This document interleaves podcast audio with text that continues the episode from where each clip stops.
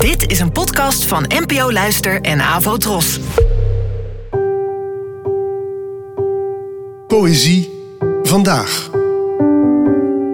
Met Ellen Dekwits.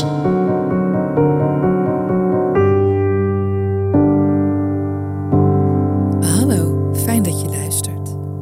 Het gedicht van vandaag heet 16 september en werd geschreven door de Zweeds-Finse dichteres Tuja Forstrom, geboren in 1947.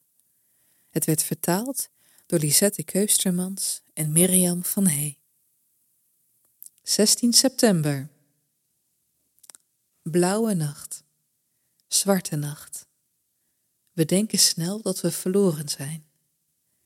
Maar de belletjes aan het tuig van het kleine paard. En op een dag is het 16 september voor alle wormpjes en vee, voor elke boom.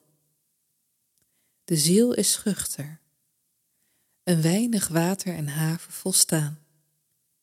Een paar kleurige doorschijnende stenen.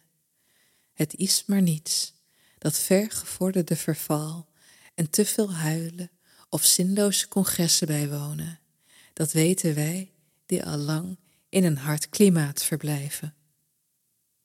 Ja, je kan je afvragen, beste luisteraar, waarom vandaag, deze podcast is 8 januari 2024 online gezet, er opeens een gedicht over 16 september, een dag die nog acht maanden en acht dagen in het verschiet ligt, moet worden gepost. Maar als ik het eerlijk ben, vind ik dit gewoon een enorm gepast vers voor nu. Want het gaat over hoop.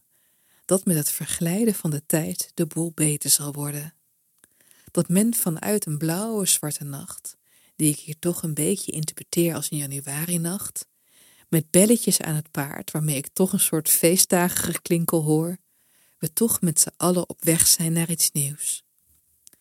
Zal het ooit voor de hele wereld weer september zijn, de maand van weelde en nazomer? En tot die tijd krijgt de dichter in dit gedicht een hart onder de riem. Dat de ziel toch niet veel nodig heeft schuchter is, maar ook sterk genoeg om een hard klimaat het hoofd te bieden.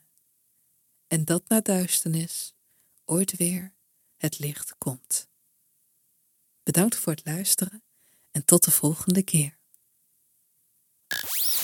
Abonneer je op deze podcast via de gratis app van NPO Luister. Daar vind je ook een handig overzicht van het complete podcastaanbod van de NPO. Afro Tros, de omroep voor ons.